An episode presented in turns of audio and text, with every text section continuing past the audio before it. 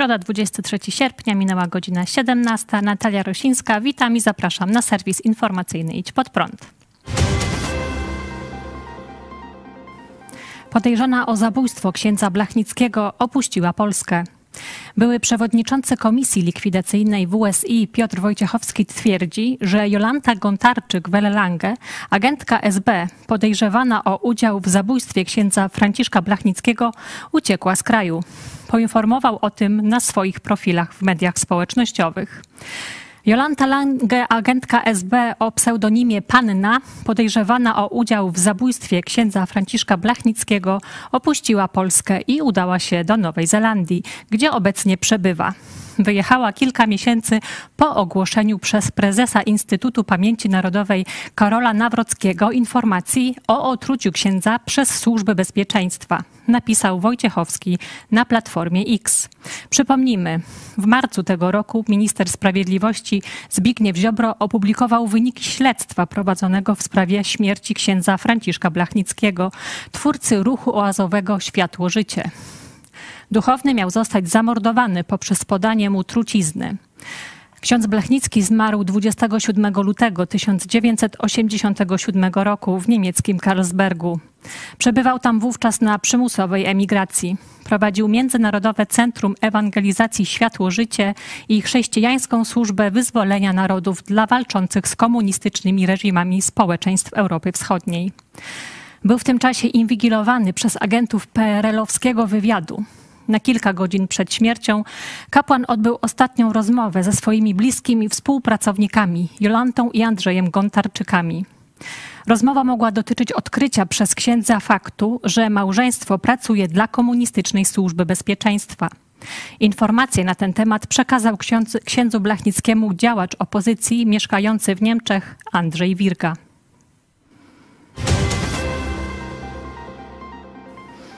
Policja milczy w sprawie incydentu z Black Hawkiem.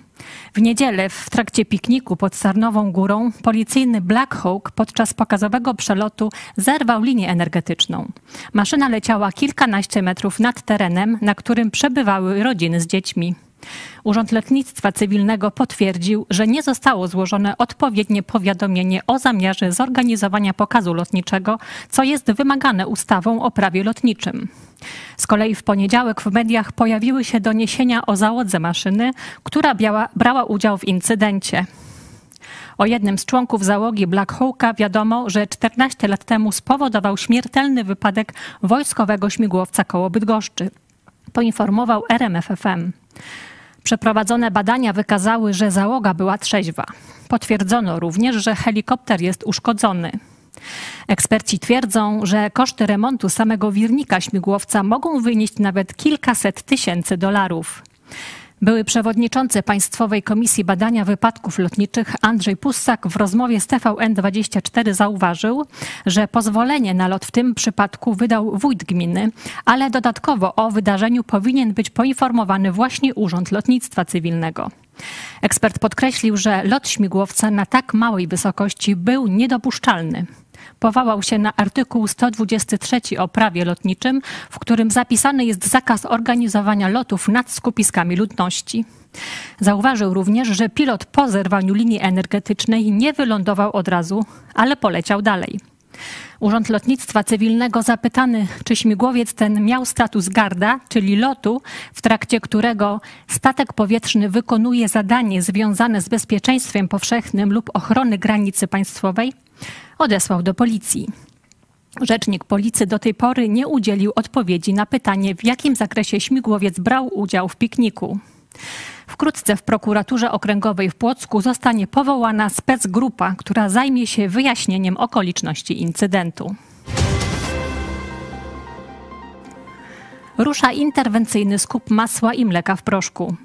We wtorek minister rolnictwa i rozwoju wsi Robert Telus zapowiedział skup masła i mleka w proszku. Powróci również skup malin. Jeszcze w tym tygodniu Rządowa Agencja Rezerw Strategicznych zacznie skupować masło na zwiększenie swoich rezerw, jak również odtłuszczone mleko w proszku. Mamy nadzieję, że to pomoże w cenie, że ona ustabilizuje się i daj Boże wzrośnie, powiedział minister Telus podczas konferencji prasowej. Planowana interwencja spowodowana jest niskimi cenami mleka w skupach. Wielkopolska Izba Rolnicza oceniła, że odpowiedzialny za to jest spadek cen produktów mleczarskich na rynkach światowych, w szczególności mleka w proszku, serów oraz masła. Do tego dochodzą rosnące ceny gazu i energii wykorzystywanych przy produkcji mleka. Minister Telus zapowiedział również, że w czwartek 24 sierpnia uruchomiony zostanie ponowny skup malin w co najmniej jednej spółce Skarbu Państwa. Wchodzimy w kwestię stabilizacji cen maliny. Ten mechanizm bardzo ładnie zafunkcjonował przy malinie wiosennej, ustabilizował cenę nie do końca satysfakcjonującą wszystkich, ale będącą do przyjęcia, ocenił Robert Telus. Początkowo pierwsze skupy malin ruszyły w lipcu na Lubelszczyźnie, gdzie jest najwięcej plantatorów malin. Alarmowani oni wtedy, że ceny w skupach są tak niskie, że nie opłacało się zbierać malin. Za tragiczną sytuację na polskim rynku malin plantatorzy obwiniali rząd.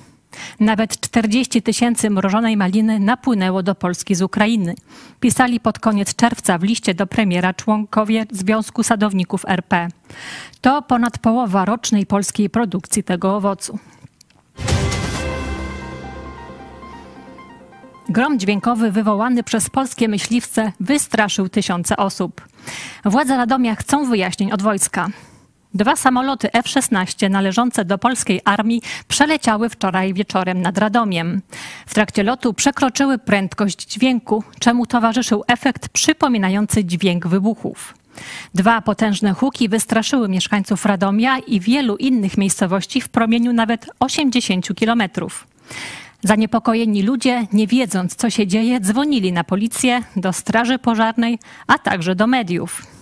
Nikt jednak nie potrafił odpowiedzieć, co się wydarzyło. Ponad dwie godziny po zdarzeniu policja podała wyjaśnienie uzyskane od wojska. Huki te były wywołane przez dwa samoloty odrzutowe F-16 RP, które wykonywały zaplanowane loty ćwiczebne i przeszły granicę dźwięku, co spowodowało hałas przypominający wybuchy, podano w komunikacie radomskiej policji.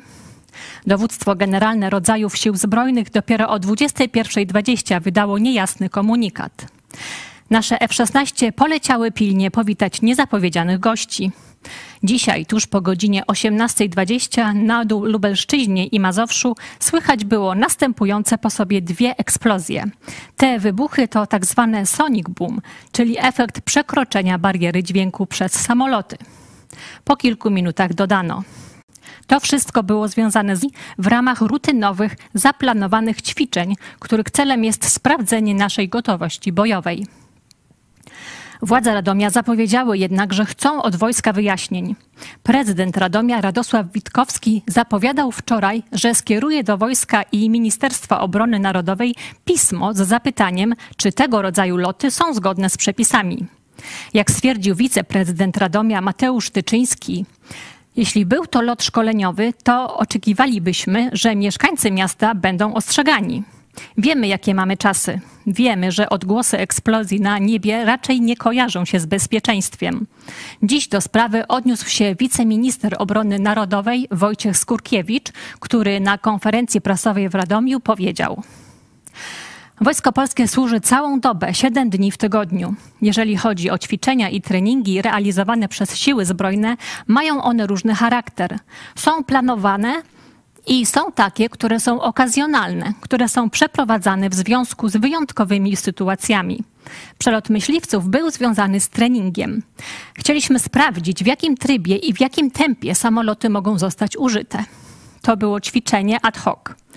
Takie ćwiczenia były, są i będą organizowane. Niestety muszę przeprosić mieszkańców ziemi radomskiej, ale i Lubelszczyzny i innych regionów Polski, ale takie ćwiczenia mogą się powtarzać. Ukraina dostanie od Wielkiej Brytanii wzbogacony uran. Zgodnie z porozumieniem zawartym między tymi państwami, Brytyjczycy zapewnią dostarczenie paliwa jądrowego do trzech ukraińskich elektrowni atomowych znajdujących się pod kontrolą Ukraińców, tak by nadal zaopatrywały kraj w energię. Czwarta elektrownia w Zaporożu wciąż pozostaje w rękach Rosjan. Wzbogacony uran będzie wytwarzany na terenie Wielkiej Brytanii, a następnie trafi do Narodowej Ukraińskiej Agencji Atomowej. Przed wybuchem wojny Ukraina pozyskiwała wzbogacony uran od Rosji. To wszystko w dzisiejszym wydaniu serwisu informacyjnego, a jeszcze dziś w telewizji Idź Pod Prąd o godzinie 18 dogrywka. Ostatnia spowiedź. Słuchałem, ale i sprawdzałem. Dzień dobry. Dziś o 18 kolejny program z cyklu Ostatnia spowiedź, a w nim Andrzej, który całkowicie zmienił swoje życie i to nie w kwiecie wieku. Opowie nam o tym, dlaczego, jak to zrobił. Zapraszam Was dziś na 18. Zapraszam Państwa na 18. Do zobaczenia.